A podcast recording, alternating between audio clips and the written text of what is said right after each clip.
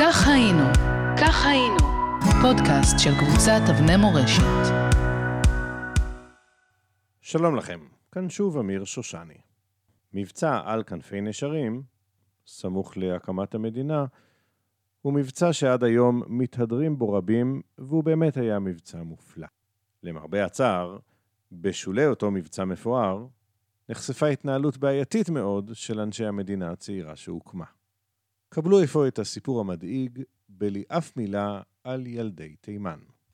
אילו ידע סלם בשארי מיהו מנהל מחנה חשד בעדן, אליו הוא עמד להוביל את אשתו ההרה וחמשת ילדיו, יש להניח שהיה חושב פעמיים על התבונה שגלומה בתוכניתו המשיחית לעלות לארץ ישראל. הוא בוודאי לא היה אץ רץ לרתום את החמור בהתרגשות כה רבה באותו בוקר של חודש ספטמבר 1949. אילו גונב לאוזניו כי בחשד מצטופפים כבר 13 אלף איש במקום שנועד להכיל 500 איש בלבד, הוא היה מסיק בצדק שהיציאה לדרך בעת ההיא איננה מעשה חכם במיוחד. זאת גם מבלי לדעת שהם חשופים לשמש קופחת ביום ולקור מדברי בלילה, ללא אוהל וללא סככת צל. אילו קרא סלם בשארי את תיאוריו של נציג השירות הרפואי לעולה, הוא היה מזדעזע.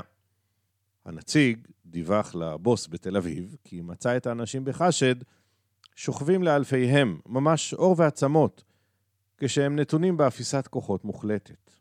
ביניהם, כך הוא תיאר, כנקודות לבנות בים שחור, מוטלות היו גופותיהם עטופות התכריכים של עוד ועוד מתים, מתוכם שטרם נקברו. אילו ידע סלם את כל אלה, הוא היה משחרר את החמור מרתמתו, ויושב לטכס עצה מה לעשות. אבל זה עוד כלום. אילו הובא לידיעתו כיצד מסתובבים עובדי המנהלה בחשד, אגב, יהודים עובדי הג'וינט, חמושים בעלות אימתניות, הוא היה פוער את פיו בתימהון. עובדים אלו היו מקלגסים באמצעות העלות את אלפי האנשים שהשתרכו בתור אינסופי למזון, כאילו היו אלה בהמות שמובלות לשחיטה. אילו הובא הדבר לידיעתו של סלם, הוא היה נותן לחמר המוסלמי פיצוי קטן על ביטול ההובלה, ושולח אותו לדרכו בשמחה, ופונה לברך את הקדוש ברוך הוא על שהצילו מצרה גדולה. אבל את כל אלה סלם לא ידע. במקום זאת, הוא ידע מפי שליחי המדינה הצעירה שהגיעו לעיירה, כי בארץ גדלים רימונים שגודלם כגודל ראש אדם, הגפנים מסתרגות אל הבתים כשהן מציעות, ממש כך, אשכולות של ענבים נוטפי עסיס לכל דורש. פשוט הושט היד וגע בם. נתונים אלה, ביחד עם הצהרה מפתיעה של האימאם של תימן, שפתח בחודש מאי 1949 את השערים החוצה מתימן ליהודים שרצו בכך, נראו ונשמעו לו, וגם לשכניו לעיירה ולעשרות אלפי יהודי תימן, לא פחות מפעמי משיח. מפה לאוזן נלחשה ידיעה ודאית שנדיבותו של האימאם לא הייתה אקראית כמובן, אלא תוצאה של הופעת רבי שלום שבזי בחלומו של הלה. כולם המתינו בקוצר רוח להתקיימות הנבואה, ואשא אתכם על כנפי נשרים. שכניו המוסלמים של סלם, יש להודות, היו ספקנים ממנו. בחושיהם אחדים הם הבינו שפתיחת השערים ליציאת יהודים לא באה בגלל חלום ולא בגלל בטיח. מטרתה האמיתית, כך הם ידעו, הייתה לדלל את האוכלוסייה בשל מצוקה כלכלית אליה נקלעה תימן. מצד שני, הם, המוסלמים, היו בניגוד עניינים מובנה, כיוון שהיו מועמדים טבעיים להשתלט על רכושם המועט של העוזבים. הם הפצירו אפוא בשפה רפה בסלם וביהודים האחרים של העיירה לשקול שנית את צעדם הנמהר. אך מיד כשיצאו היהודים מהעיירה, חולק הרכוש שהותירו אחרי גבם לכל המקדים לבזוז. כך יצאו קבוצות קבוצות, כ-50 אלף יהודים תימנים תמימים, למסע רגלי של עשרות ומאות קילומטרים, רצופים שודדים וסכנות, למחנה חשד בעדן, כולם בדרכם לארץ המובטחת. למזלם של אלו שיצאו רק בחודש ספטמבר לדרכם, בן גוריון, שקיבל את הדיווח המזעזע מהשטח מפי שליח הבריאות שלו, כתב ביומנו, אני מצטט, ילדים מתים כזבובים. שלוש נקודות. עלינו להציל אותם. הוא הורה לשלוח מיידית אוהלים וסככות לחשד, ביטל את התוכנית המקורית לעכב שם את העולים עד שיבריאו או ימותו, וציווה להטיס את העולים כמו שהם, בריאים או חולים, לארץ. סלם בשארי, מעודה שלמה, יוסף ואב, יחיאל חתוקה ועוד עשרות אלפי אנשים כמותם.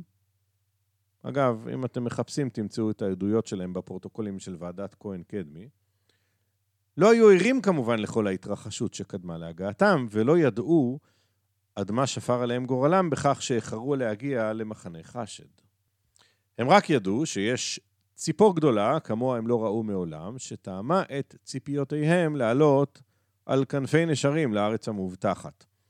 כיוון שכך, הם סמכו על הקדוש ברוך הוא שהביאם למקום הנכון. לפיכך, אך טבעי היה להם לשמוע מפי מי שהציג את עצמו כשליח ישראלי, ממש בעת העלייה למטוס, כי עליהם להיפרד מנזמי הזהב והתכשיטים, מהטעם שהם טמאים, וארץ ישראל איננה מקבלת טומאה כהגדרתו. העובדה שהשליח היה תימני כמותם, הוסיפה נופך של אמינות לדבריו.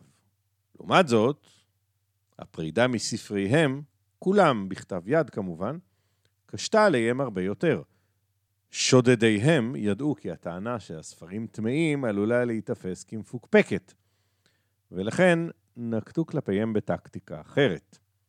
אנשים הגיעו אל העולים, גם כאן רגע לפני העלייה למטוס, דרשו לקבל את הספרים לידיהם כיוון שהמטוס לא יוכל להמריא כטענתם, נשבעו לעולים בנקיטת חפץ שהספרים יגיעו לארץ במטוס הבא או באונייה, הספרים נארזו לעיני העולים התמימים, ורובם לא ראה אותם עוד לעולם.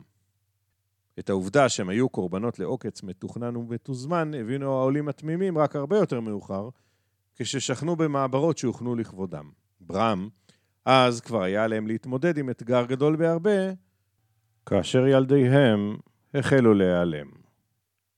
אפילוג כותרת צעקנית במיוחד התנוססה בגאון במרכז העמוד הראשון של העיתון דבר, שופרה של המפלגה ההיא. היום מסתיים מבצע על כנפי נשרים, זעק העיתון. הדבר הזה קרה ביום י"ג בתשרי, בדיוק באמצע השבוע שבין יום כיפור לבין חג הסוכות. הכתב, שהתהדר בשם העט סופרנו, שהוא שם קוד לידיעה שתולה, בישר לקוראיו בגאווה עצורה על כך שהעלייה האווירית בוצעה ללא תקלות. כל העולים, כך הוא תיאר, הגיעו בשלום למחוז חפצם. וחלק ממטענם היקר, שחנך את נמל אילת החדש, כבר נמצא בדרכו לחיק המשפחות המצפות.